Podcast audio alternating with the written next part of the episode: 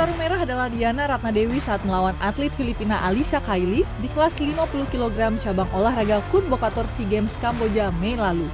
Sekilas, pertarungan ini mirip dengan cabang olahraga Muay Thai dari Thailand. Sementara yang ini adalah aksi Zaki Fadlur Rahman, peraih medali emas Kun Bokator kategori seni di nomor berhen.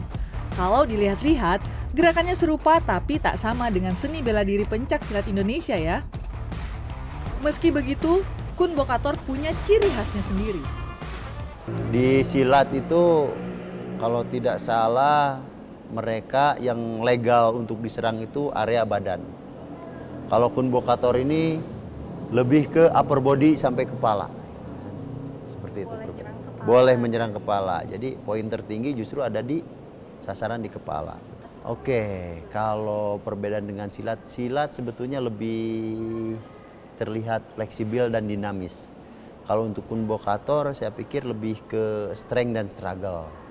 Walaupun dari segi balance, dari segi agility-nya itu hampir mirip-mirip sama.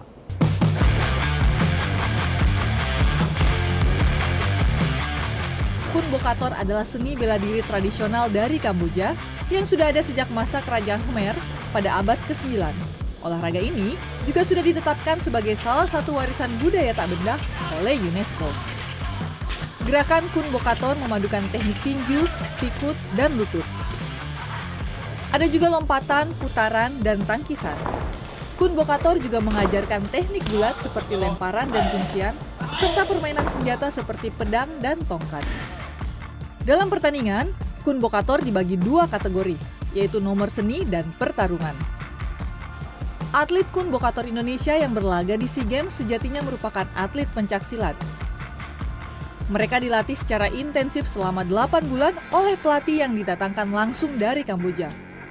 Meski gerakan dasarnya sama dengan silat, peraih medali emas kategori Berhand Group mengaku Kun Bokator punya tingkat kesulitan tersendiri.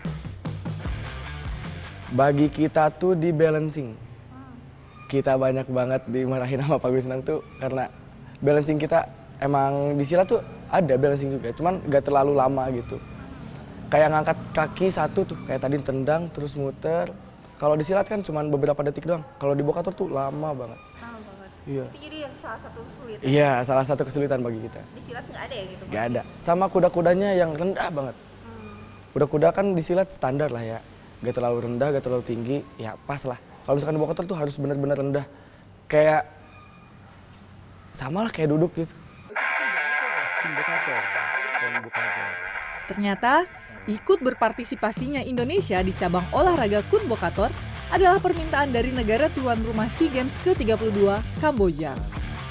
permintaan lah dari eh, tuan rumah bahwa jika silat pencak silat yang selama ini sudah dipertandingkan di SEA Games itu mau diikutkan, mereka juga minta eh, kun bokator diikutkan.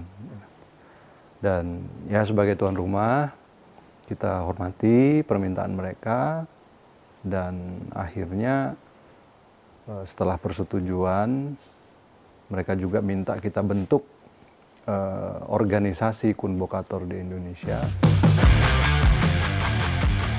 Walaupun baru dibentuk kurang dari setahun sebelum SEA Games Kamboja, tim Kun Bokator Indonesia yang terdiri dari 21 atlet mampu meraih 3 medali emas, 5 perak, dan 12 perunggu.